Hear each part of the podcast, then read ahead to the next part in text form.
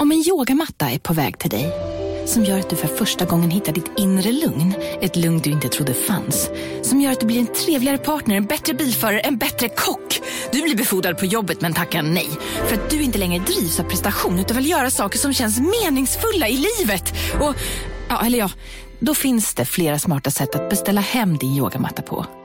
Som till våra paketboxar placerade på en plats nära dig och tillgängliga dygnet runt. Hälsningar Postnord. Demideck presenterar Fasadcharader. Dörrklockan. Du ska gå in där. Polis? Effektar? Nej, tennis tror jag. Pingvin. Alltså, jag fattar inte att ni inte ser. Va? Nymålat. Men det var många år sedan vi målade. Demideckare målar gärna, men inte så ofta.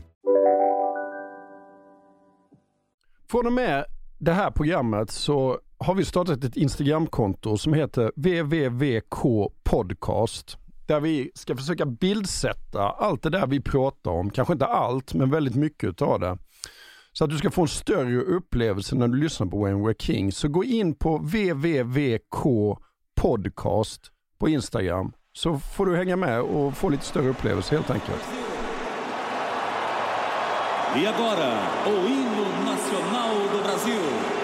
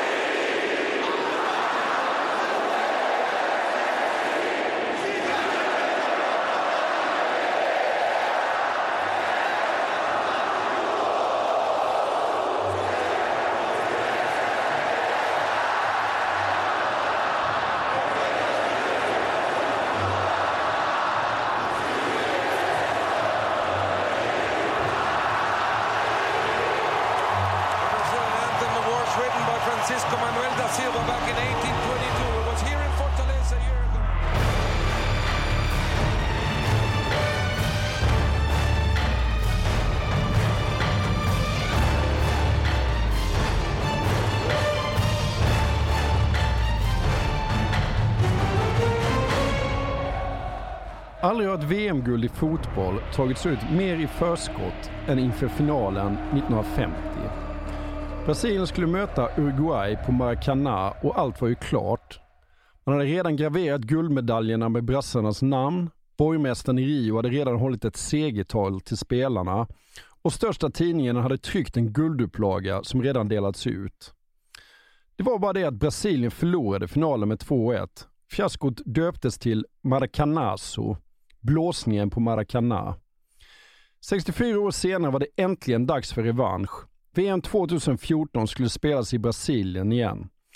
Nu var det dags att sudda ut fiaskot från 1950 och värdlandet var rejält laddat. Eller hur Erik? Ja du, det var ganska uppskruvat tonläge på alla håll och kanter under en väldigt lång tid. För det var ju inte bara turneringen och det var inte bara de avgörande matcherna utan det var ju hela vägen som ledde fram dit och den ska vi också ta oss fram genom när vi närmar oss VM i Brasilien 2014, när vi närmar oss hemmanationens och värdlandets förhållningssätt till det hela. Och det här var ju verkligen ett mästerskap med en signifikans och en symbolik som sträckte sig ovanligt långt utanför fotbollsplanen. Och det var dessutom ett mästerskap som kulminerade i en av mina absolut starkaste fotbollsupplevelser. Och det är ju alltid en diskussion om var betyder fotbollen egentligen mest i världen? Är den inte som en religion där nere i Italien?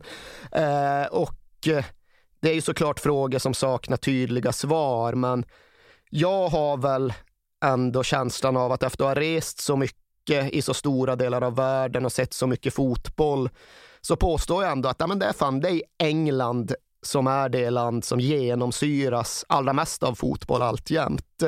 Men det är tveklöst så att Brasilien är den nation som knyter sin självbild allra hårdast till fotbollen. Liksom den där gula landslagsdressen, den är deras nationaluniform och det laget har historiskt sett varit allt det som nationen vill vara. Så, ja, det är militärstyre ena årtiondet och sen är det ekonomisk kris nästa årtionde. Men det brasilianska fotbollslandslaget, de är alltid färgsprakande och sevärda och karismatiska och spektakulära och bäst. De är ju alltjämt pentacampeao, femfaldiga världsmästare. De är det som inga andra är. Ele cortou pro meio, lá veio o Cleverson. Rivaldo saiu pro Ronaldinho, pé direito, bateu! Gol!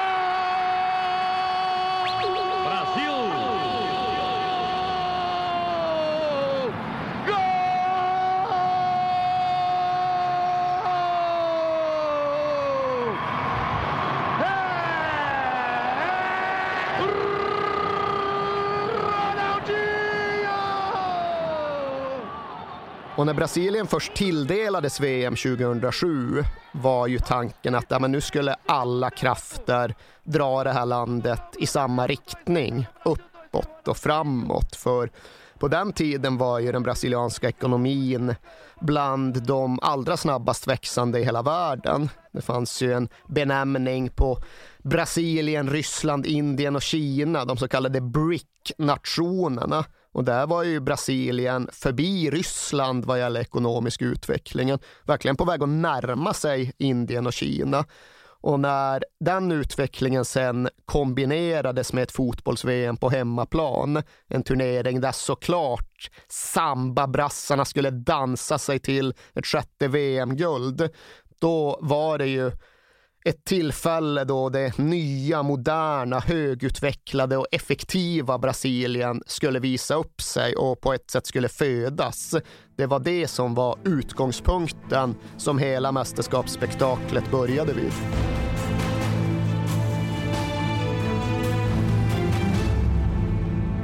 Ja, men vi börjar med Confederation Cup 2013 som eh, visserligen Brasilien vann, men det är inte det man kommer ihåg dem för, eller hur?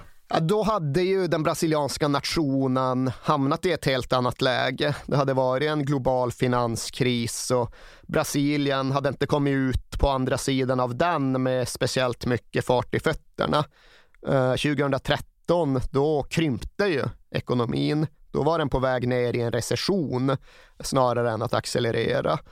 Och när Confederations Cup, det vi i alla fall förut brukade benämna som för-VM i Sverige, Eh, när det spelades ett år före det riktiga VM, då sammanföll ju den turneringen med en protestvåg som hade vält in över Brasilien och som innebar de största folkliga demonstrationerna sedan militärstyret föll. Det var ju alltså bokstavligt talat flera miljoner brasilianare som var ute på gatorna och protesterade och demonstrerade under månaden som ledde fram till Confederations Cup, absolut, men för världens ögon framför allt under Confederations Cup. Och från början då hade ju de där protesterna utgått ifrån ett missnöje med höjda priser i kollektivtrafiken. Men snabbt blev de ju mer bara av en allmän missnöjesförklaring gentemot tillståndet i nationen, gentemot ojämlikheten och ineffektiviteten och korruptionen.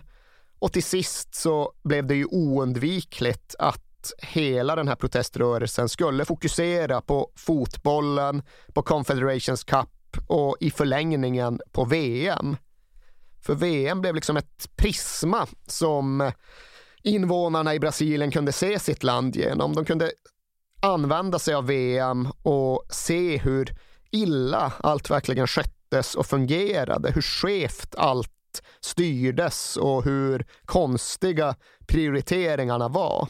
Och när Confederations Cup började så spelades premiären i huvudstaden Brasilia. Men för de som kan någonting om den staden så är det ju tydligt att det är en stad utan folkligt liv. Det är liksom bara ett administrationscenter eh, för den brasilianska staten. Så visst, det kom ju folk till matchen, det var ju fullt, men det var inte det riktiga Brasilien som eh, omgärdade den premiärmatchen. Det var ju först i samband med den andra matchen som skulle spelas i Fortaleza uppe i norra delen av landet som fotbollsspektaklet flyttades ner i den brasilianska nationen och i det brasilianska missnöjet.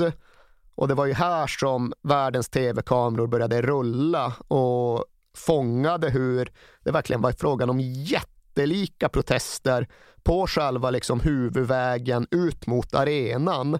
Det var ju jättemånga, alltså tiotusentals, kanske till och med hundratusentals demonstranter och var poliser med tårgas och gummikulor. Och det var ju en högst konkret risk för att den där matchen aldrig skulle spelas överhuvudtaget. De som befann sig inne på arenan, de kunde ju höra ljuden från tårgaskrevaderna och från gevären med gummikulor när de satt inne och tittade på uppvärmningen. Och i den kontexten blev det ju någonstans också en fråga om, ja, men, på vems sida står det här landslaget egentligen? Och den fick väl ett första svar när det väl närmade sig match.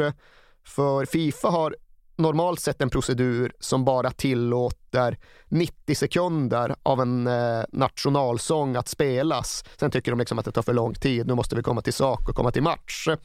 Eh, och det innebär ju att den brasilianska nationalsången normalt sett bryts efter första versen. Men när det skedde inför den här Confederations Cup-matchen mot Mexiko så fortsatte ju bara hela arenan, inklusive spelarna där nere, att sjunga vidare a cappella.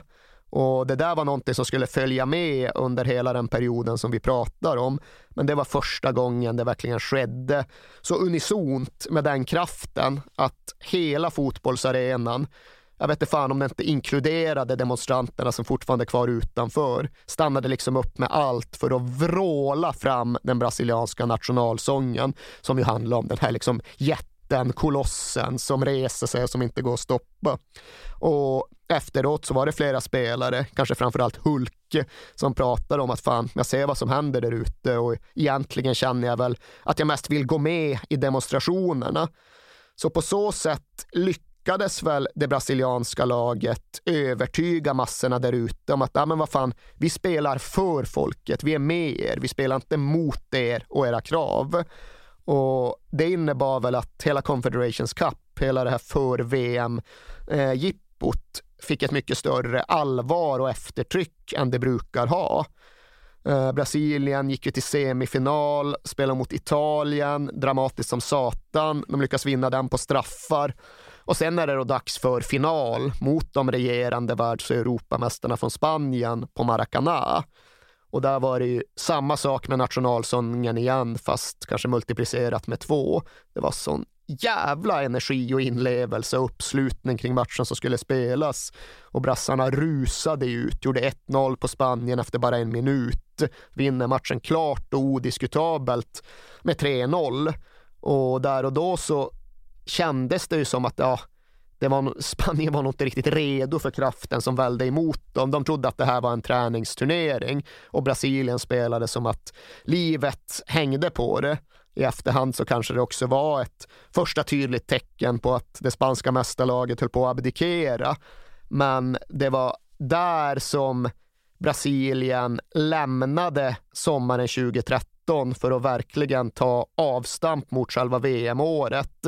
Det var med en känsla av turbulens och orolighet och samhälleliga strider, men med en känsla av att i alla fall fotbollslandslaget någonstans ändå stod på rätt sida av barrikaderna. Jag vill bara tillägga också att du, ja, du var ju inne på det, att fotbollsmässigt får de ju ett bevis också att ja, Neymar eh, blir turneringens bästa spelare, Fred gör fem mål.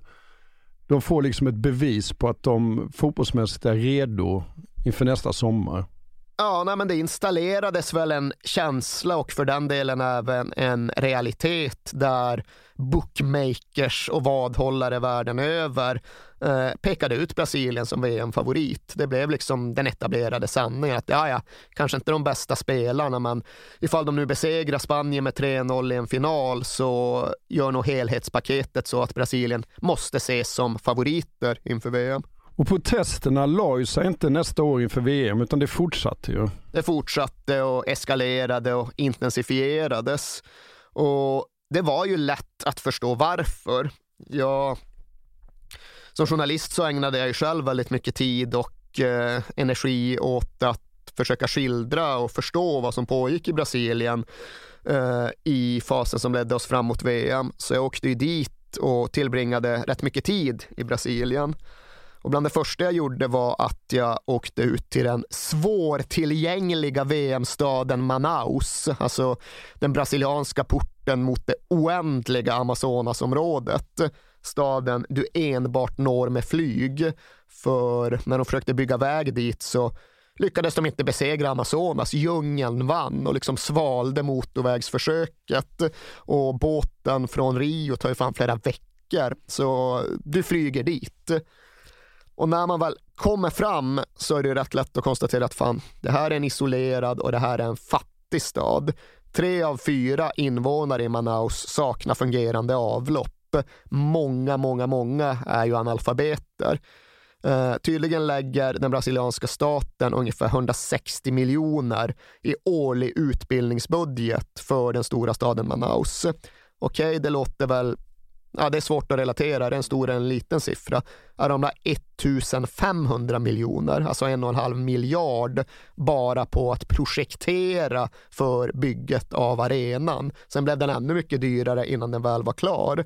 De liksom fick ju skeppa dit nästan 200 ton metall från Portugal Portugal. Och det tog ju liksom över en månad för dem bara att få dit materialet för det skulle över hela Atlanten och sen upp för Amazonfloden. Och stolarna som skulle in på läktaren, de var nog tvungna att specialtillverka för vanliga stolar. Färgen på dem hade bara smält i Amazonas-solen som ju är så extremt stark och intensiv.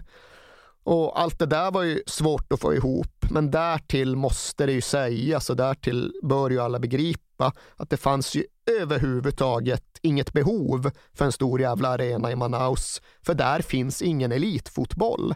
Där finns ingen klubb som ens spelar i någon av de fyra högsta brasilianska divisionerna. Jag var och såg liksom de stora lokala klubbarna spela där och det är ju 200 åskådare, 300 åskådare och nu dunkar de upp en miljardarena med plats för över 40 000 för tre VM-matcher och sen ska han bara stå där. Och när den typen av prioriteringar görs, när invånarna i Banaus ser detta ske och ställer det i kontrast mot sin egen verklighet, då är det ju svårt att inte sympatisera med dem. Det är fullt legitima krav att komma med att så här kan ju för fan inte en fungerande demokratisk stad bete, stat bete sig.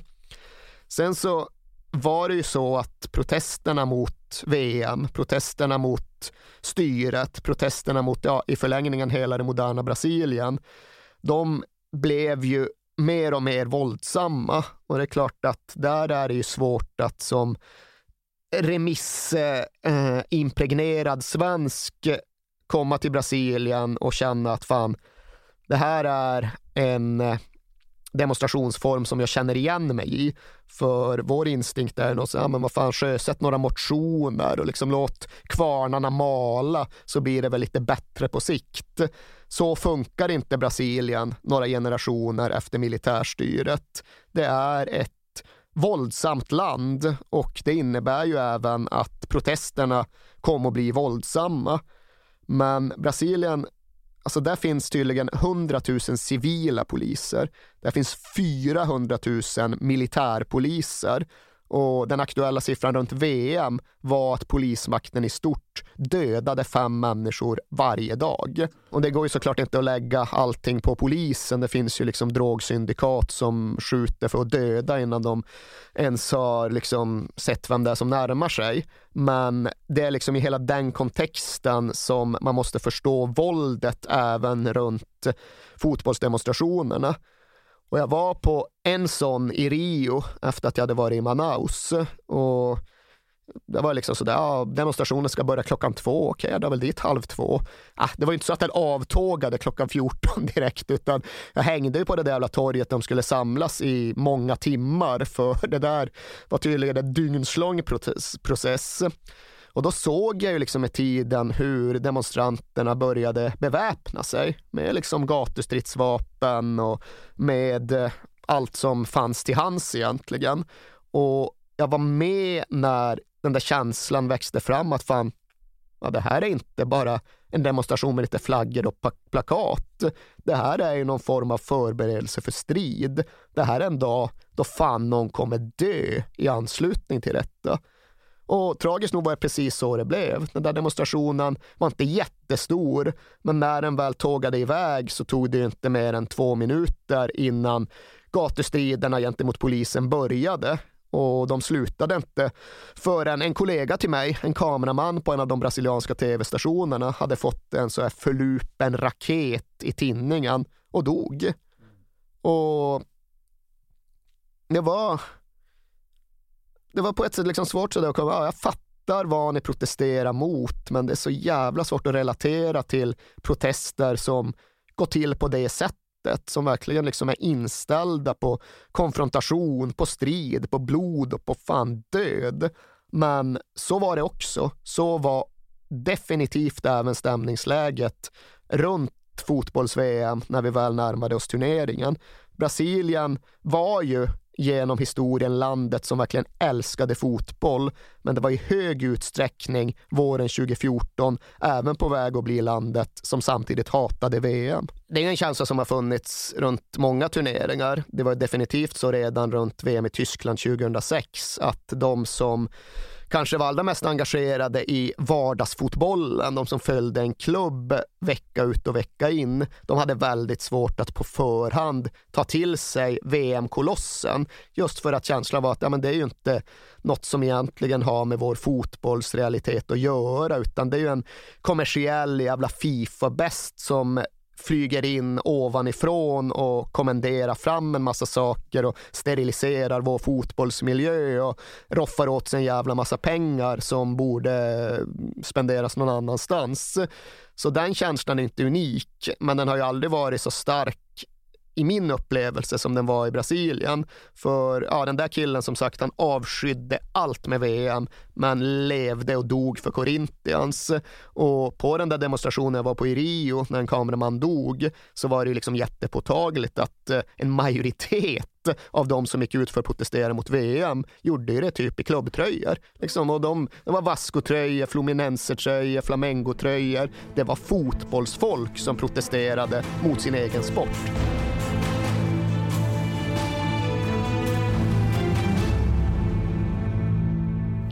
Håkan, ja. vi har ju en 90-åring med oss precis som vanligt. Verkligen. Och det är ju Svenska Spel och Stryktipset. Ja, Mm. Och därför är det så bra att vi är sponsrade av Stryktipset. Ett spel från Svenska Spel, Sport och Casino för dig över 18 år. Exakt. Och stödlinjen.se finns där de har problem med sitt spelande. Ja. ja, precis. Det är bra att vi har med oss dem så vi får fira dem riktigt ordentligt. Verkligen. Och vi firar ju tillsammans med er lyssnare. För att de här är ju rätt unika, de här reklamspottarna. Därför att det är lyssnarna som skickar in sina historier. Och jag tycker Mm. det är helt fantastiskt att ni fortsätter att göra det. För att det blir väldigt mycket roligare. Alla de här historierna, det är liksom hela... Det är liksom ramen för vad Stryktipset handlar om, skulle man kunna säga. Verkligen. Det är själen. Exakt, och har gjort det i 90 år. Ja, ni får gärna fortsätta skicka in era stories eh, om vad som har hänt i 90 minuten på Stryktipset till kings at perfectdaymedia.se så får ni en t-shirt av oss Yes. för varje publicerat inlägg. Och idag En lång historia idag Håkan säger Idag har vi en lång historia som går så här. För snart fyra år sedan var jag med om en riktigt sjuk upplevelse som har resulterat i att jag blivit en riktig stryktipsnörd.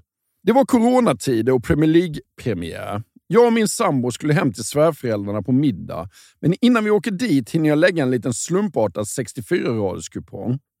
Championships-matcherna var det bara att blunda, chansa och hoppas på det bästa. Men Premier League har man ju lite kunskap om, så där vågade man tro på skrällchanser.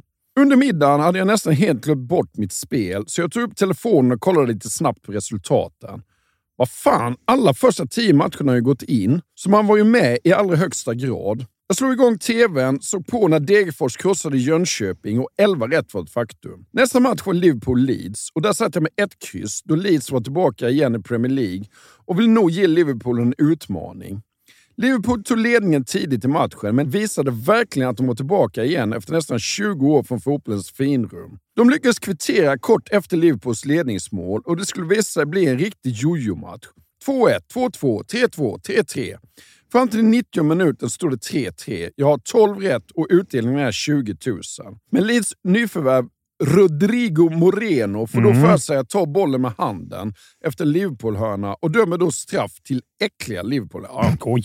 Ja. Ja, ja. Självklart gör Salah 4-3 från 11 meter och vinstsumman var nu på 5 000 kronor på 12 rätt. Det enda som skulle kunna rädda mig nu var att Newcastle skulle slå West Ham borta, då våghalsiga, naiva jag fick för mig att sätta en tvåa. Jag tror aldrig jag mått så dåligt av att se en fotbollsmatch. West Ham var det spelförande laget i första halvlek, men inga riktiga chanser skapades från något av lagen.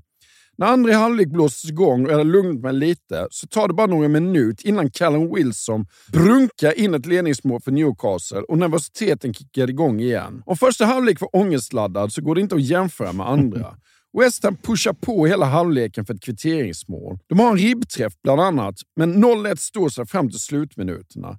Då får Newcastle en kontring. Bollen slås snett inåt bakåt och når Jeff Hendrick som pangar in 0-2 och euforin är total. 13 rätt och 500 000 kronor rikare. En upplevelse jag aldrig kommer att glömma. Sen den dagen spelar jag Stryktipset varje lördag i hopp om att få med något liknande igen. Plus att det är en jäkligt mysig lördagstradition. Stort tack för er podcast och stort tack för din historia. Mm. Colin Wilson, han har bunkrat in några baljor. Ja, precis. Vi Mm. säger stort tack till våra vänner på Stryktipset. Tack. Vi är sponsrade av Volt Fashion. Yes, det är vi. Och vad är Volt Fashion för dig, Alex? För mig är Volt Fashion lite som vad Magnus Erlingmark var för IFK Göteborg när det begav sig. Jaha. Mm. Göteborg kunde ju använda Erlingmark precis överallt på fotbollsplanen. Han var överallt. Ja. Ja, och lite så i Volt Fashion, för det är ett multibrand-utbud för män. Förstår du vad jag menar då? Just det. Mm. Ja. Du hittar tröjor, skjortor, kostymer, kavajer, byxor, you name it. Allting. Från märken som These Glory Days, Oscar Jakobsson, Tiger of Sweden, Eton, Samse Samse, J. Lindberg och Flippa K. Exakt. Och min Voltbutik som jag brukar gå in i ligger i PK-huset här i Stockholm. Ja, just det. Och det finns ju 40 butiker i Sverige och här finns ju allting. Sweaters, skjortor, kostym, kavajer, byxor. Allt du behöver, både till fest och vardag. Med alla de här schyssta märkena du räknar upp. Och nu är det ju dags för festligheter. Våren är väl ändå här, det måste vi säga. Det är den verkligen. Och det är dags för bröllop, det är studenter, det är midsommar. Och vad vill man ha då? Ja, en kostym kanske. Ja, jag har precis köpt en kostym. Jaha. Från These Glory Days. Jaha. Jag brukar köra på Edvard-kostymen. Ja, och det är alltså en urblandning. Det tycker jag är ett måste i kostym. Jag gillar inte linne och sånt där, utan det är ull som jag gillar. Och så måste det vara regular fit, inte slim fit på mig. Nej. Jag gillar när det liksom är lite mer rakt och, och stiligt. Så den har jag gått loss på. Jag gillar ju Oscar Jakobsson. Ja, ja, ja. ja. Svenskt, skönt och där kan jag även tänka mig linne faktiskt. Och sen är det ju så här att du behöver ju faktiskt inte gå in i en faktisk butik, voltbutik, även om det finns ganska många. Utan du kan ju gå in på voltfashion.com och där hittar du hela utbudet och, och kan bara klicka hem det istället. Så klicka in på voltfashion.com och eh, välj din kostym för våren och sommaren helt enkelt. Ja, vi säger stort tack till Volt Fashion. Alex, vi pratar ju om Blackburn och då måste jag fråga dig, vad kör Alan Shearer för bil? Ja, precis. Ja, vi pratar om Blackburn den här veckan. Ja. Eh, ja. Alan Shearer Jag ska, jag ska nog googla det faktiskt. Gör det. Jag tänker mig att han kör en riktigt sån, alltså en, en diesel. Nej, alltså det som bara jag. spottar ut. Jag tror, jag tror Sherry är en eh, riktig elkille. Faktiskt. Vad heter Blackburn? Lanc Lancastershire. Lancashire. Lan ja, exakt. Där åker han runt. Runt, runt en gammal dieselhäck. Men jag ska, Ja. jag ska googla faktiskt. Ja. Kolla. Då ska vi se. Alan Shearer Lifestyle. Alan Shearer Car. Audi RS Q8 kör Ja. han till vardags. Hybrid. Det är ju ingen dålig bil. Hybrid. Så, Ja, 600 hästar. 3,8 sekunder på 100 meter. ja, 100 meter är det inte. 100 100 kilometer i timmen. ja. Vridmoment 800 NM. Men Säger varför pratar vi om detta? För att vi är sponsrade av Karla. Ja, och på, det är mycket möjligt att han har insett hur jäkla smidigt det är att köpa sin bil på Karla. Exakt. Hur skulle Alan Shearer säga Karla med C? Karla. Karla. Karla. Ja. För att vi har ju eh, i tidigare eh, spottar berättat om att det är världens bästa biltjänst. Mm, Med 4,8 i. Trustpilot. Mm. Därför att vi som tycker det är jobbigt att köpa och sälja sin bil framför allt, med allt mäkt det innebär, så innebär Karla att de sköter allting åt dig. Mm. Så går du i eh, tankar med att sälja din bil och kanske vilja skaffa dig en elbil eller en elhybrid så ska du gå in på karla.se. Jag är lite sugen på att skaffa en laddhybrid. Ja. En sån Audi. Ja, ja, ja. Jag tror inte riktigt att jag kanske har råd med det den. tror jag inte du riktigt men har jag, men jag tror att Karla har ett bra spann på bra eh, laddhybrider faktiskt. Ja. Mm. Om du går in på karla.se och knappar in din bils info så får du en snabb och gratis värdering och ett bud på din bil. Mm. Väljer du att acceptera budet så får du gratis upphämtning av din bil i hela Sverige. Just det. Och pengarna på kontot direkt vid upphämtning. Mm. Alltså det kan inte bli smidigare än så. Och Karla sköter allt från pappersarbete till dammsugning av baksätet. Ja, alltså det, Det slipper jag världsklass. gärna. Alltså. Ja. Och när du ändå är i farten så kan du kika om du hittar någon ny drömbil på Karla. Audi RS Q8. Exakt. Du kan då använda din gamla bil som inbyte och endast betala mellanskillnaden om du vill köpa en ny. Kör du till exempel runt i en gammal dieselhäck så är det hög tid att uppgradera till en elbil eller laddhybrid. Eller Alan Shearers bil då. Vem i Blackburns lag från 1995 kör runt i en gammal dieselhäck idag, tror du? Jag tror faktiskt ingen gör det. Tror du inte? Nej. Ja, jag tror i alla fall att anfallspartnern där till Alan Shearer, Chris Sutton, han kör runt en gammal dieselhäck. Ja, då är det hög tid för honom att gå in på karla.se. Verkligen. Vi säger stort tack till karla.se. Tack.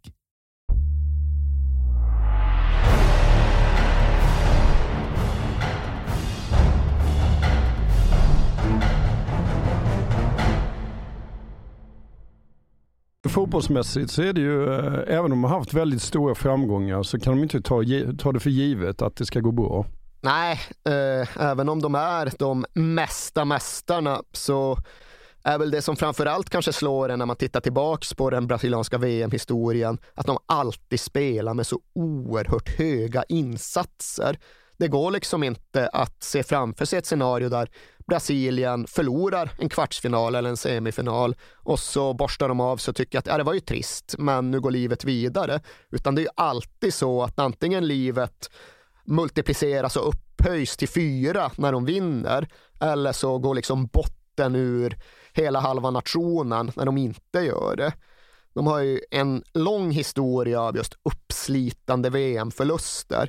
1982, ja det var inte så att Brasilien hade lite otur i det där egendomliga systemet med andra gruppspel och så. Nej, det var ju året då den vackra fotbollen dog. Om inte det brasilianska laget vann, ja då var allt slut. Då fanns det inte längre någon estetisk fotboll. Det var liksom det som blev den turneringens eftermäle. Det var ju samma också 1998. Ja, det var inte så att hemmanationen Frankrike bara var en svårstoppad motståndare i finalen.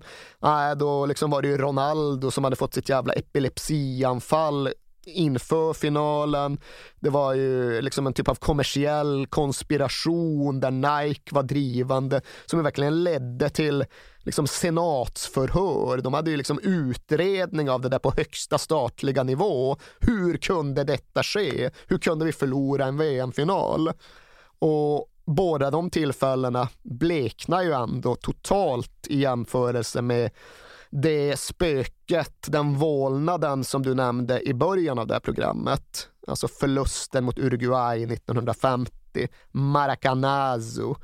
Eh, för det finns någon liksom folkkär brasiliansk dramatiker som heter Nelson Rodriguez som på fullaste allvar, liksom utan ironi, utan en känsla av att fan nu tar jag till lite för stora ord här, har refererat till Maracanazo som vår nationella katastrof, vårt Hiroshima. Och det är ju eh, lätt att skratta åt, det bör ju skrattas åt, men det är ändå ord som jag någonstans förstår varifrån de kommer. Kaptenen för det uruguayanska laget som vann den där matchen, det var ju formellt sett inte en final, det var bara en, en eh, final i praktiken för att VM-upplägget såg ut så på den tiden. Men kaptenen för det laget, han sa liksom att när matchen var slut och vi insåg att vi vann, vi ska lyfta bucklan och Brasilien förlorade. Och han började titta sig omkring på läktaren och bara, men, fa, alltså, hade, hade han, så som han uttryckte det, hade han fattat vad det innebar så hade han sett till att göra självmål under matchen. För han såg ju liksom 200 000 drygt på läktarna och hans upplevelse var ju fan 175 000 av de här är ju på allvar suicidala. Alltså den här liksom bot bottenlösa, desperata sorgen. Folk skriker och liksom bokstavligt talat sliter sitt hår och liksom eh, vänder sig i plågor och liksom förtärs inifrån. Det är så oerhört distanslöst när det brasilianska landslaget förlorar en viktig VM-match. Och när vi just går igenom det här med förlusten 1950, den stora det stora, gigantiska, eviga nederlaget på hemmaplan. Så då måste vi också bara som hastigast eh, berätta om målvakten då, Barbosa, han som utsågs till syndabock för att han släppte in det avgörande målet på närmsta stolpen. Han blev ju inte landsförvisad, även om det i grunden kanske hade varit bättre, men han blev ju liksom nationellt utfryst under resten av sitt liv. Brasilien vägrade ju att ta i honom efter den där matchen. Liksom, eh, han försökte ju någon gång så åka till landslagets träningsanläggning uppe i bergen ovanför Rio för att bara liksom hälsa på. här kommer du inte in. Bannlyst, bannlyst. Han pratade ju själv om att fan, maxstraffet i Brasilien liksom för seriemord är 30 år. Ja, jag har fått betala för ett brott jag inte ens har begått i det som det var 43 år. Och han hade ju ritualer hemma. Han lyckades ju komma över tydligen den gamla målställningen från Maracana. Och den stod han och brände hemma i trädgården för att på något sätt driva ut de onda andar som hade satt sig både i honom och i hela Brasilien som konsekvens av det där. Men han var verkligen paria under resten av sitt liv för att han släppte in en boll på första stolpen i en fotbollsmatch 1950. Och det här var ju ett VM som i grund och botten främst var till för att Brasilien skulle bedriva exorcism på sig självt. De skulle till sist driva ut, besegra, förvisa spöket från 1950. Och de kan ju säga hur mycket som helst om att ja, men matchupplägget kom inte att styra, det har med lottning att göra och sådär. Men de gjorde ju en väldigt medveten planering som innebar att första gången det brasilianska landslaget skulle komma till Maracanã i Rio, det var ju i finalen. Alla matcher som skulle leda dem dit skulle spelas på andra arenor. Men när det väl var dags för final, ja, då skulle Brasilien stå där igen. Då skulle de till sist, till slut, göra upp med Eh, det som hade plågat dem så oerhört mycket i så väldigt många år.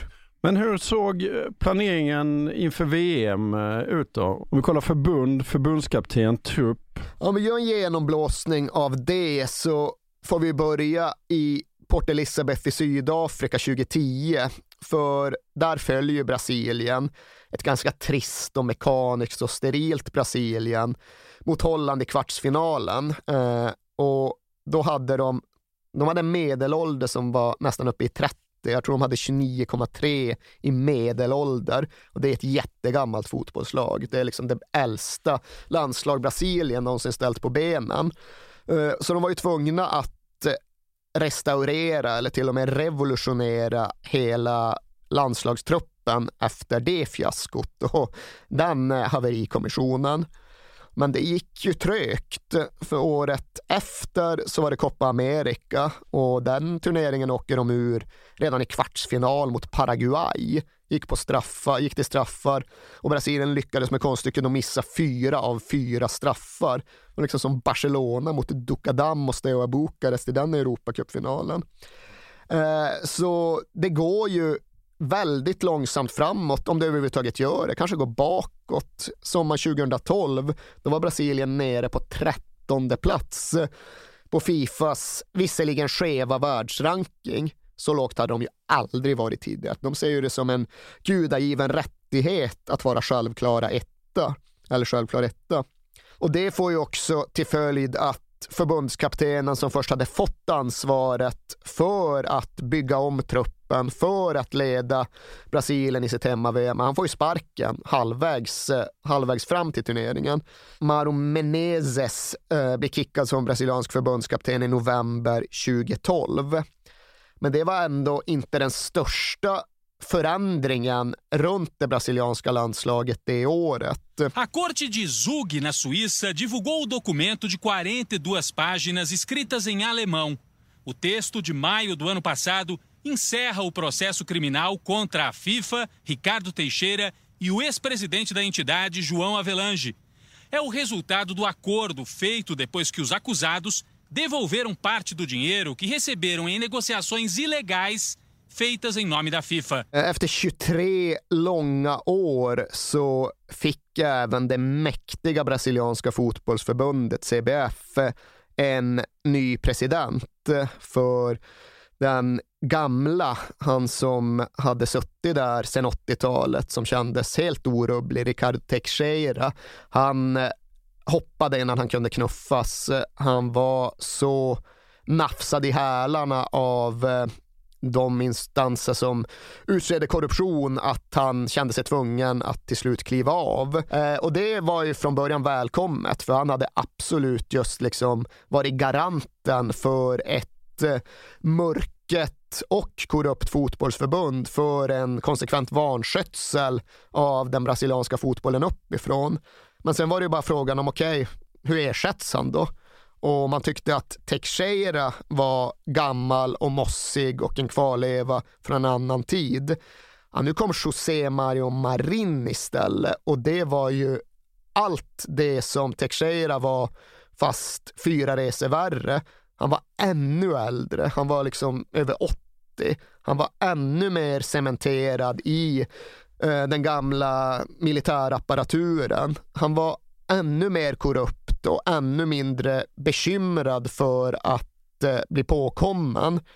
Det var liksom bara en trivialitet men ändå ganska talande i sammanhanget. När han blev förbundspresident så var det han hade gjort alldeles dessförinnan att han inför rullande tv-kameror bara hade snott en guldmedalj. Han skulle dela ut eh, medaljer till vinnarna av någon juniorturnering i Sao Paulo stående, dela ut till de flesta spelarna, kamerorna vilar på, och så ser man plötsligt, ta medalj, lägger den i fickan, gå vidare. Målvakten i det laget får ingen medalj. Marin bara står där och liksom kleptoman, kunde inte hålla sig borta från att bara plocka på sig den där guldpengen. Och han blev någonstans ansvarig för tillsättandet av den nya förbundskaptenen, då Mario Menezes efterträdare. Och jag kommer verkligen inte uttrycka mig så drastiskt som att säga att ja, men Luis Felipe Scolari, han och Marin var ju lite samma typ. Men det fanns absolut någonting i att den förbundskaptenen Marin skulle utnämna, det skulle ju sannerligen inte vara någon utlänning, för det hade ju diskuterats, kanske Pep Guardiola tar Brasilien till hemma-VM, en sån lösning. Det skulle inte vara någon ung nytänkare som kommer med någon jävla dator och någon jävla analysprogram. Utan det skulle ju vara en man från den gamla skolan med en hållfast mustasch. Så Scolari tillbaka och han var ju omtyckt. Han hade ju fört Brasilien till ett VM-guld.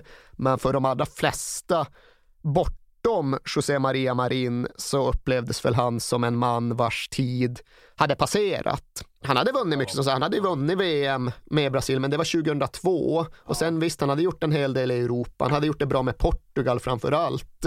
Men det sista han gjorde i någon form av rampljus, det var ju att misslyckas med Chelsea. Sen hade han dragit till Uzbekistan och glassat runt där i några år med blandade resultat. Världens bäst betalda tränare. ja, man åker inte till Uzbekistan för något annat. I alla fall inte om man är Luis Felipe Nej, Scolari. men han var ju inte inkompetent. Nej, nej, nej. Alltså en gedigen fotbollsman och liksom som sagt en man som i grunden jag fortfarande upplever som godhjärtad även om han är patriarkal. Och jag tror väl att det i grund och botten ändå var just det patriarkala som gjorde att han fick det här jobbet av den förbundsapparaten i den här tiden. Men jobbet fick han och truppen tog han ut. Och vad säger vi om truppen då? Ja, att den till att börja med är ju i stort sett helt utbytt jämfört med 2010. Det är bara fem spelare kvar. Och det är då målvakten Julio Cesar, det är högerbackarna Daniel Alves och Maicon. Det är Thiago Silva som mittback och Ramirez som mittfältsalternativ. Men därutöver är truppen helt utbytt och därutöver är den också ganska självklar. Det brukar alltid finnas en sån här fråga som verkligen liksom sliter Brasilien i tu före truppen presenteras. Ska Romario inte få ett mästerskap till? Det kan liksom dela, dela landet.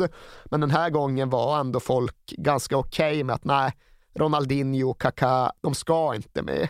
De, var ju alltså, de hade ju spelat under Scolari, de spelade för Brasilien så sent som 2013-ish. Men de var inte allvarligt övervägda. Robinho var också ganska lätt att ställa åt sidan. Eh, men det var ju liksom namnen som det alltid blir lite medial snurr kring. Sen fanns det rimliga fotbollsargument för att en kvartett som ställdes utanför borde ha varit med. 2014, det här var ju året då Atletico Madrid vann spanska ligan. Det var året då de borde ha vunnit Champions League.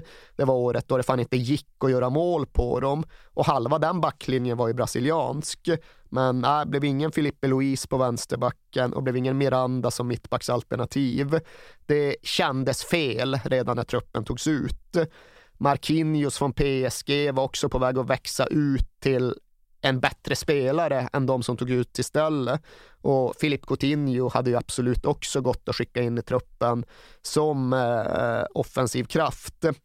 Men så blev det inte. Men samtidigt, liksom, kolla på den fyrbackslinjen som var tänkt att starta. Där och Dani Alves till höger med Maicon som alternativ. Marcelo från Real Madrid ute till vänster. Thiago Silva och David Luiz som etablerat mittlås. Det är en på pappret jävligt stark backlinje. På mitten fanns det ju rätt mångsidiga krigare. Det var ju den här liksom typen Fernandinho, Luis Gustavo, Paulinho. Det var den sortens mittfältare, Ramirez också, som Scolari prioriterade.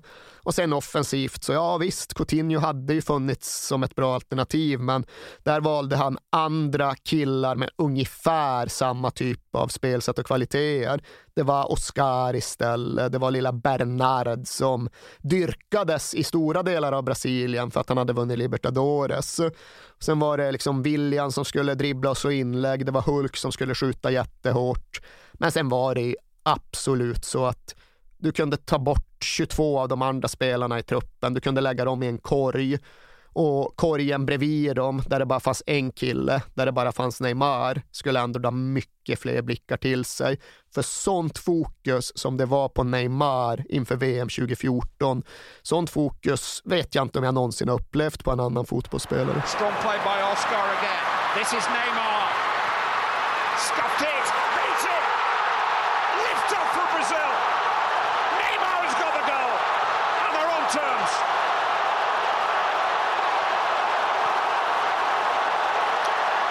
Strike sweeter shots during these World Cup finals, but maybe not as important as that one. They were behind for 17 minutes.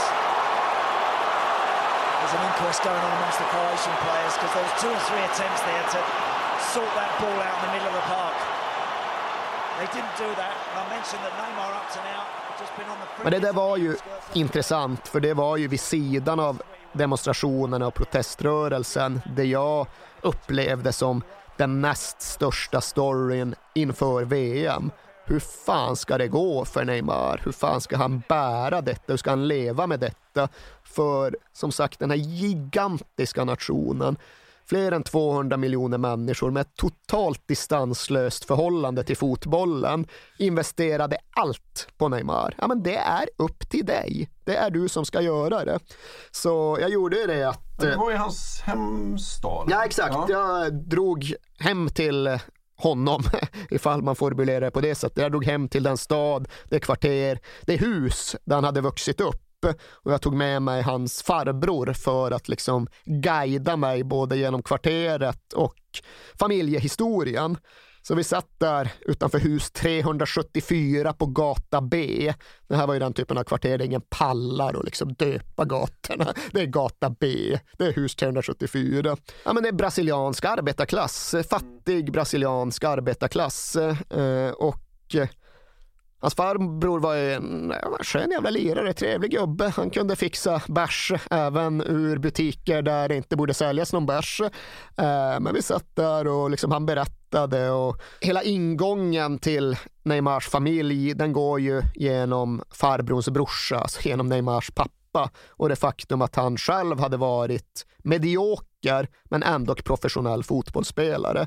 Han hade hankat sig fram i typ brasilianska fyran, men när hans karriär tog slut där vid 30 hade han ju inte en reaj kvar. Han hade ju inte ett korvöre på fickan och han behövde förhålla sig till och förlika sig med att han visserligen hade fått spela fotboll, men att han inte hade någonting kvar efteråt. Han hade inte liksom haft vett att skaffa sig ordentliga inkomster och förvalta de inkomsterna och planera och spara. Så när det blev uppenbart att grabben i familjen hade en exceptionell begåvning så gjorde liksom pappan det till sitt livsuppdrag att maximera och förvalta den begåvningen, att kratta väg för Neymar och att se till att skörda de frukterna som han spred omkring sig. Så Neymar var ju 11 år gammal när han började få pengar av Santos. Santos är då den mytologiserade ungdomsutvecklande föreningen som ligger i en stad sisådär en timme sydväst om Sao Paulo och Neymars hemstad Praia Grande den ligger då alldeles utanför Santos. Men de snappade upp Neymar, de började ge honom pengarna när han var 11 och då slutade ju även pappan sitt jobb. Efter att han hade spelat fotboll började han typ städa i Sao Paulos tunnelbana. Ja, men han sa upp sig, han slutade med det. Han satte sig i skolbänken istället. Han pluggade sportsmanagement och han sjösatte, grundade det som skulle bli Neymar-industrin. När Neymar var 14 så skapade de det som hette NR Sports, som kort och gott var ett bolag för att både skapa och maximera intäkterna runt fotbollen som Neymar spelade. Och parallellen har gjorts rätt många gånger, men den är relevant. Han var på många sätt tidigt en sorts fotbollsmotsvarighet till sig Justin Bieber. Alltså en motsvarighet till musikindustrins barnstjärnor vars inte bara talang utan även liksom personlighet och varumärke mycket mejslades fram under väldigt lång tid med väldigt stor långsiktighet och väldigt stor medvetenhet. Och vid det här laget, när han var i de mellersta tonåren, då var ju redan Neymar en stor sak. Det snackades om Neymar, inte bara i Praia Grande, inte bara i Santos och Brasilien, utan hela fotbollsvärlden. Han hade ju varit på provspel i Real Madrid när han var 13 13, var där knappt tre veckor, vräkte in mål, men bestämde sig i samråd med sin pappa till slut ändå för att säga nej till deras kontraktsförslag. Ja, de la fram ett kontrakt. Ja, det ska ju vara så 4 miljoner kronor eller någonting. Det tryggar ju framtiden för familjen, men eh, dels längtade väl Neymar hem. Han var inte redo att ta det klivet. Dels gjorde pappa pappan det kliniska affärsbeslutet att nej, men vi ska inte signa bort rättigheten till oss själva så här tidigt. Så Neymar blev ju kvar i Santos och Brasilien och den här industrin som drevs av pappan, den bara fortsatte växa. Det var inte så att han gjorde allt, utan han såg ju till att knyta till sig en gigantisk stab med folk som fixade grejer åt Neymar innan han hade lämnat tonåren så hade han ju liksom personliga sponsorkontrakt med globala jättar jättar. Han hade personliga avtal med inte bara Nike utan med Red Bull och Volkswagen och fan vet allt. Hans stab svällde ju och inför VM så ingick det, tror jag, 22 stycken heltidsanställda i stab Neymar. Och det var ju jurister och PR-folk och ekonomer och marknadsmänniskor och livvakter. Men sen hade han även en stab av deltidsanställda i cirkeln utanför den innersta kretsen. Och där var det ju så stylister och designers och frisörer och hela det packet liksom. Du intervjuade ju han PR, hans PR-ansvarige och försökte, försökte vara lite kritisk. Så där liksom att, ja, men han kastar ju sig rätt mycket på planen. Sådär. Ja, och där han är ju för sig lite fog den här PR-killen som var jävligt vettig och resonabel och säger att ja, men det uppfattas på ett helt annat sätt i Europa än det gör i Brasilien. Men eh, han hade, den PR-killen som just hade fått ansvaret för hans varumärke, han hade ju liksom verkligen eh, fått jackpot i sitt yrkesliv. För det var ju rätt ärlig med att fan, jag behöver inte göra någonting. Det är bara att låta Neymar sköta sig själv. För råvaran, ifall vi nu ska prata i så cyniska termer, råvaran var så jävla bra. Dels var ju Neymar en otrolig fotbollsbegåvning. Tempot, liksom eh, explosiviteten, bollbehandlingen, allting. Och därutöver så hade han ju en jävligt tacksam och jävligt smittande personlighet. När han var på väg uppåt så var ju Neymar en sån här kille som han behövde bara visa sig på en plan eller någon annanstans för att liksom, folk skulle gravitera mot honom. Alla sögs in i Neymars kraftfält på något sätt. Och dessutom så var ju hans saga så väldigt ja, den berörde liksom själ, eller den berörde kärnan i den brasilianska fotbollssjälen. För just det där att han spelade för Santos, samma klubb som Pelé hade levt hela sitt fotbollsliv med och att han tog dem tillbaka till toppen. Santos vann ju Libertadores några gånger på 60-talet med Pelé. Sen var de mer av liksom en liten talangförening i många, många, många år och sen kom Neymar och tog dem tillbaka till Libertadores som 19-åring. Där också, han var tonåring när han gjorde Santos till kungar av hela jävla Sydamerika. Och det investerades helt liksom proportionslösa förhoppningar i honom, men det fanns ju skäl till att det var på det sättet.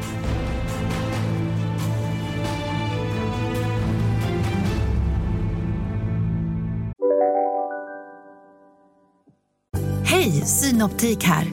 Visste du att solens UV-strålar kan vara skadliga och åldra dina ögon i förtid? Kom in till oss så hjälper vi dig att hitta rätt solglasögon som skyddar dina ögon. Välkommen till Synoptik. Ah, dåliga vibrationer är att skära av sig tummen i köket. Ja! Bra vibrationer är att du har en tumme till och kan scrolla vidare. Alla abonnemang för 20 kronor i månaden i fyra månader. Vimla! Mobiloperatören med bra vibrationer. Dagens vinnarprognos från Postkodlotteriet. Postnummer 65209, klart till halvklart och chans till vinst. 41101, avtagande dimma med vinstmöjlighet i sikte. Övriga 10 500 postnummer soligt och möjlighet att vinna. Oavsett när sommaren kommer till dig så kan du och dina grannar få dela på 48 miljoner i sommaryran. Ta chansen nu i maj på Postkodlotteriet.se. Åldersgräns 18 år. Kontakta stödlinjen om du eller någon anhörig spelar för mycket. Men det var ju återigen också det där att ända sedan 1982 i alla fall så har ju den brasilianska fotbollen haft en väldigt tuff identitetskris där de oroar sig och där de våndas för att liksom det som är vår fotboll, det håller på att eh, utrotas. Det finns inte längre den vackra fotbollen. Sen hade de ju en period på 2000-talet där den i teorin skulle återupprättas. De åkte till VM 2006 med Quartetto Magico. Det var ju gamla Ronaldo, det var Kaká, det var Adriano innan han var tillbaka i favelan och det var Ronaldinho. Mm. Och Ronaldinho är ju den närmaste parallellen till det Neymar var tänkt ja, att bli. Ja. För han spelade ju också just med ett garv. Han gjorde det mm. också kul med fotboll igen och han lyckades samtidigt vara bäst i världen. Mm. Så Neymar var ju typ liksom en korsning mellan Pelé och Ronaldinho. Det var ju så folk såg på honom när han kom fram och det är inga små dojor. Men som sagt, han dribblade, han skrattade, han hittade på nya grejer. Hans fotboll var ju också de ungas fotboll. Det var en spegling av det som hade blivit den brasilianska gatukulturen där det var fotboll men där det också var liksom en viss attityd, det var mode och det var musik. och Hela det brasilianska fotbollsidealet har ju någonstans alltid utgått från Garincha. Liksom. Det ska vara den fräcka, påhittiga rackarungen från gatan som slår tunnlar på klumpiga backar från Europa. Och Neymar var ju det också. Alltså tidigare att han var en korsning mellan Pelé och Ronaldinho. Ja, men in med Garincha också då. Han är liksom en sammansmältning av de tre. Och på så sätt så blev han liksom själv toppen på den brasilianska fotbollens treenighet. Och som sagt, Neymar, vid det här laget, vid den här tiden så var han 22 år gammal. Det är ju inte Neymar som vi ser idag i PSG, utan han sågs på ett helt annat sätt och han uppfattades som mycket mer oförstörd. Det hade absolut funnits en härva runt övergången till Barcelona och det visar ju sig att ja, Santos hade ju fått relativt lite pengar. Han hade gått för typ 800 miljoner, Santos hade fått 150 och resten hade Neymars farsa stoppat i bakfickan, mer eller mindre. Men han var ju lite sådär, ja men vadå? Alltså, Hela den brasilianska fotbollsexporten innebär att andra jävlar berikar sig på fotbollstalang. Korrupta klubbägare snor pengar, korrupta agenter snor pengar, korrupta mellanhänder snor pengar. Hela grejen med oss är att vi inte tänker låta någon annan sno våra pengar. Det är liksom så vi alltid opererat. Och det går väl att tycka vad man vill om allt det där, men hur det än var med saker så var det liksom inte en åsikt eller en uppfattning, utan det var ett konstaterande att eh, Neymar var hela nyckeln till att en väldigt skev ekvation skulle ha en chans att överhuvudtaget gå ihop.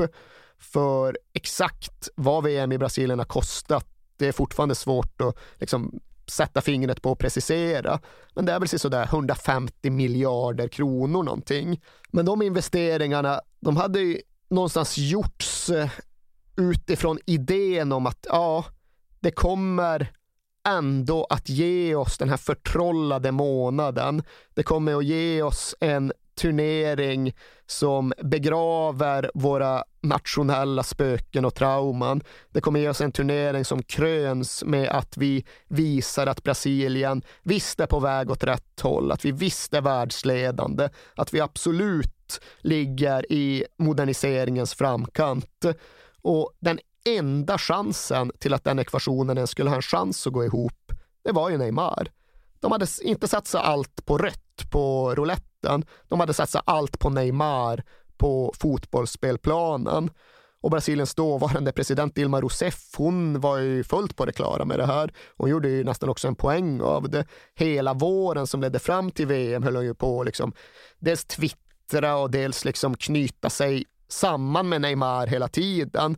Hon liksom ville göra sig till den ena personen i den brasilianska ledarduon. Hon ville göra till att ja, men det är Dilma och Neymar som ska leda Brasilien framåt. Det var ju presidentval i oktober också. Det gäller att positionera sig. Så var det verkligen. Men hela det här paketet, det gav ju just den där situationen som jag upplevde som unik. Det har aldrig funnits en fotbollsspelare med så mycket på sina axlar. Och jag satt där utanför hus 374 på gata B och försökte resonera om det här med Neymars farbror. I någon mån försöker man också problematisera det för att man är svensk.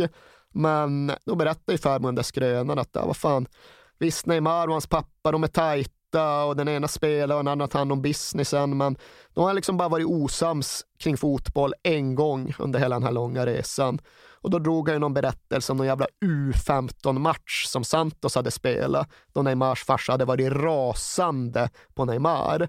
Och det var inte för att han hade misslyckats, och det var egentligen inte för att han hade varit dålig.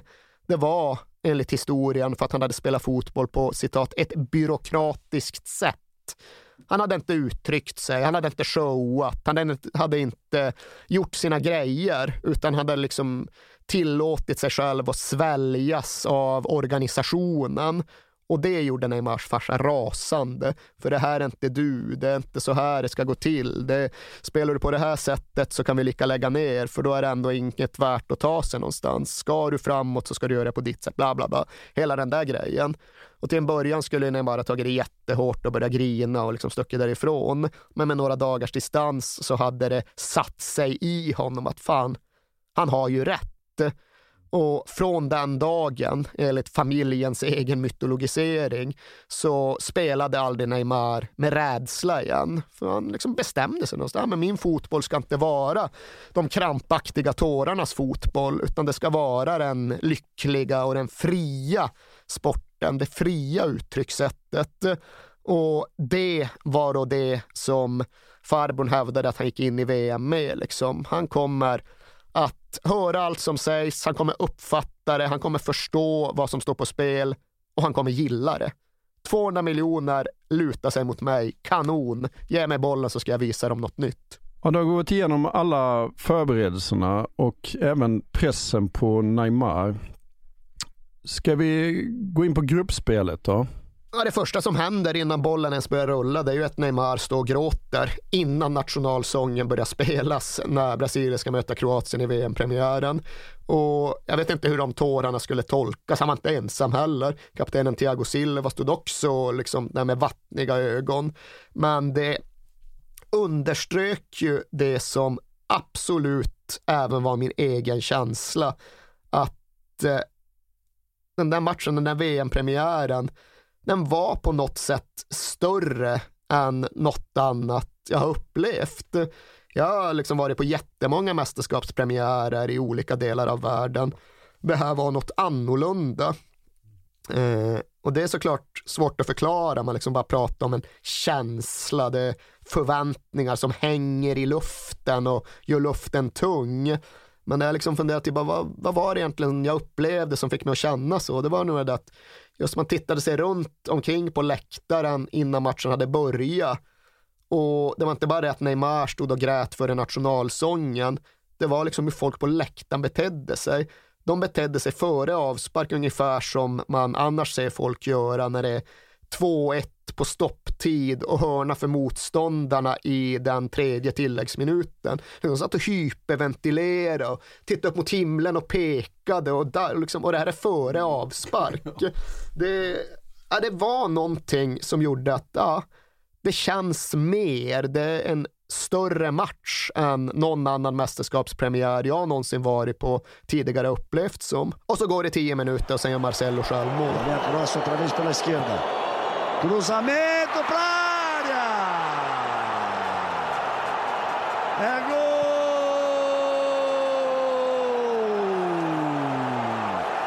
da Croácia. Gol contra. Och Hur stämningen då? Ja, den är ju i chock liksom. Det, det är något speciellt också där med ljudkulissen, att det är inte så att det är koordinerade sånger en hel brasiliansk landskamp eh, från början till slut. Men det ligger ju alltid en ljudmatta där liksom. Det där att det bara försvinner. Liksom, det är inte att det går från tystnad till tystnad utan det är att ju så, det bara försvinner. Någon stänger in allt ljud och allt syre i en påse och sen är det bara ett vakuum som återstår. Uh, och där var det ju liksom redan, det har gått tio minuter av den här VM-turneringen som har pumpats upp så oerhört mycket. Och det skulle begravas spöken och liksom Barbosa, den gamla målvakten, skulle bli fri. Och där står Marcelo och har gjort självmål och man känner fan, tog det tio minuter innan de fick fram en ny jävla Barbosa. För det kroatiska motståndet, det är ju inget dåligt lag en VM-turnering senare skulle de gå till final och det är ju i grunden samma kärna. Det är ju Modric och Rakitic och Perisic och den underskattade Dario Serna på högerbacken som sen försvann till VM 2018. Men det innebär att uppgiften är ju svår. Eh, någon måste hjälpa Brasilien upp ur det jävla hål de har satt sig själva i. Och det är liksom ingen tvekan om vem denna någon ska vara. Det tar en halvtimme, sen lyckas Neymar gräva loss bollen 25 meter från mål, avancera lite grann och liksom borrar ner ett vänsterskott som, ja den sitter ju precis den enda centimeter där det kan sitta för att passera Pletikosa från så långt håll. Och redan där känner man ju liksom fan vilken förlösning och vilken ikonografi. Tänk att mot hela den här bakgrunden, med hela den här pressen, så gör Neymar det här målet. Bara det är ju värt ett helt halvt gruppspel. Redan här har han svarat upp mot kraven. Men det är inte så att det släpper för Brasilien för att de gör 1-1. Det förblir ju krampaktigt och kroaterna är ju väl så bra matchen igenom. Och med knappt 20 minuter kvar så står det fortfarande 1-1 och 1-1 vore såklart en stor missräkning för brassarna. Och då får de ju den här ja, men skämtstraffen. Det är ju en så oerhört billig straff som Fred ramlar sig till och den japanska domaren bestämmer sig för att ge honom. Em busca do segundo gol, olha o cruzamento, bola pra área, é pênalti! Och den, jag minns att jag hade så extremt svårt att tugga i mig den för det var många motstridiga känslor runt den här premiären och det här brasilianska laget. Men just det där att storlaget, i det här fallet nationen som har så extremt mycket ekonomi på sin sida, får den straffen till skänks i just den typen av läge. Jag tillhör inte de som tror att liksom fysiska pengar har bytt ägare i något kuvert i ett sjaskigt hotellrum kvällen före matchen. Men jag tror just att det finns en idrottspsykologi som gör att domare generellt blåser den typen av straffar medan de inte blåser dem i andra änden av planen. Jag tyckte det kändes bittert. Jag kan bara föreställa mig hur kroater upplevde det. Men där står i alla fall Neymar igen och nu är det 20 minuter kvar av den här hemmapremiären och nu ligger bollen på straffpunkten och det är 11 meter till målet och allt det här finns återigen i potten och det blir någonstans förstärkt när det är fråga om just en straff. Och straffen är väl inte kanske femstjärnig, men den går någonstans in genom händerna på Petikosa och i mål. Bateu! É gol! É gol!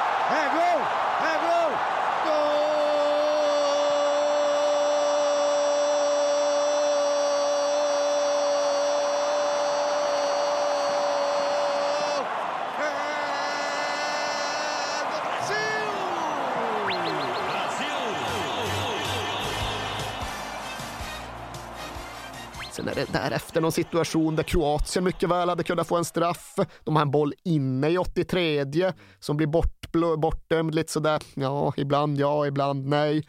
Men Brasilien lyckas reda ut det. Oscar tår in en boll på stopptid och de vinner med 3-1. Och efteråt så är det ju den här bitterheten. Det är den kroatiska förbundskaptenen Niko Kovac som pratar om att det är en uppsättning regler för Kroatien och en annan för Brasilien. Och det visar sig att den här japanska domaren som blåser straffen, han var faktiskt samma domare som dömde när Brasilien åkte ur VM 2010. Och då fick han rätt mycket skit för att han hade visat ut Felipe Melo men inte visat ut Mark van Bommel. Så det ska väl också in i den psykologiska vågskålen. Så det kändes ju som en orättmätig seger, men det var ju ofrånkomligen ändå precis den partystarter som lag, turnering och nation behövde så desperat mycket.